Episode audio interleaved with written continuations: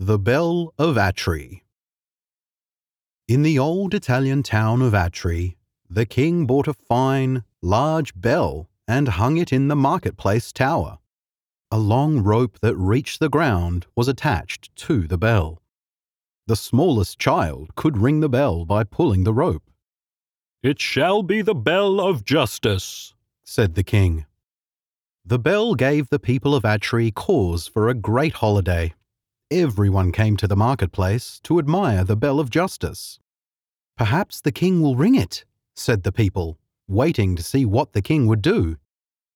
But the king did not ring the bell. He stopped and raised his hand.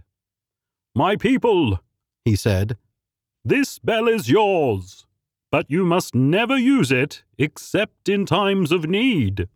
When it rings, the judges shall come together at once, hear the case, and give justice. Rich and poor, young and old, it doesn't matter. All will be judged equally. Many times through the years, the bell in the marketplace called the judges. Many troubles were corrected, and criminals answered for their crimes. As time passed, the thick rope grew so thin and short that only a tall man could reach it. Oh, this will never do, said the judges one day. What if a child should find himself in trouble? The judges gave orders that a new rope should be hung down to the ground, but no lengthy rope could be found in all of Atri. They sent across the mountains for one, but it would be weeks before it arrived. What if some great trouble should happen before it came? Let me fix it for you, said a man nearby. He ran into his garden and came back with a strong vine. This will do for a rope, he said, climbing the bell tower to tie the vine to the bell.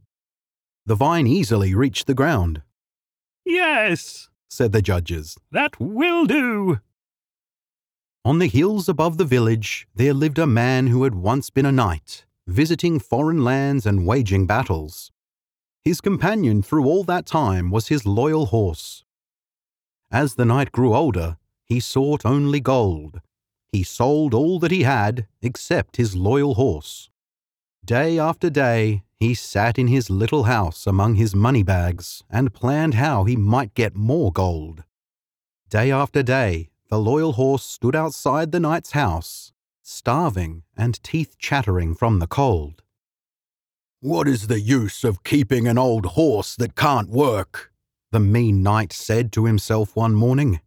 I will turn him out to fend for himself. If he dies of starvation, good riddance. So the brave old horse was turned out among the rocks on the empty hills. He limped weakly, nibbling at rare blades of grass.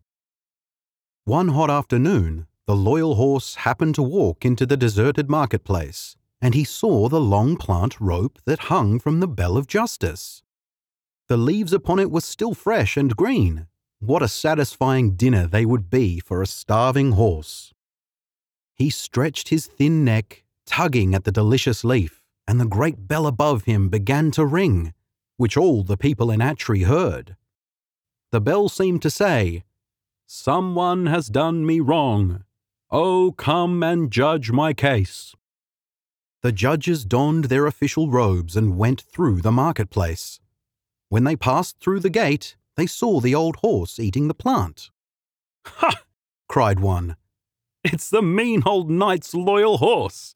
Everybody knows the knight mistreats him. He shall have justice, said another citizen. Meanwhile, a crowd came into the marketplace, eager to hear a trial. The loyal horse left them awestruck. All the citizens could testify to how they saw the old knight neglecting his loyal horse and counting his bags of gold instead. Go bring the old knight before us, said the judges. When the knight came, the judges gave their judgment. This loyal horse has served you well for many years, they said. He has saved you from danger and helped you become wealthy. Therefore, we order that one half of all your gold be set aside for your loyal horse. With the money, we can buy a green field for your loyal horse to graze in, and a warm stable to comfort him in his old age. The mean old knight hung his head, angry to have lost his gold, but the people shouted with joy. The loyal horse was led to his new stable and had a dinner fit for a brave and loyal horse.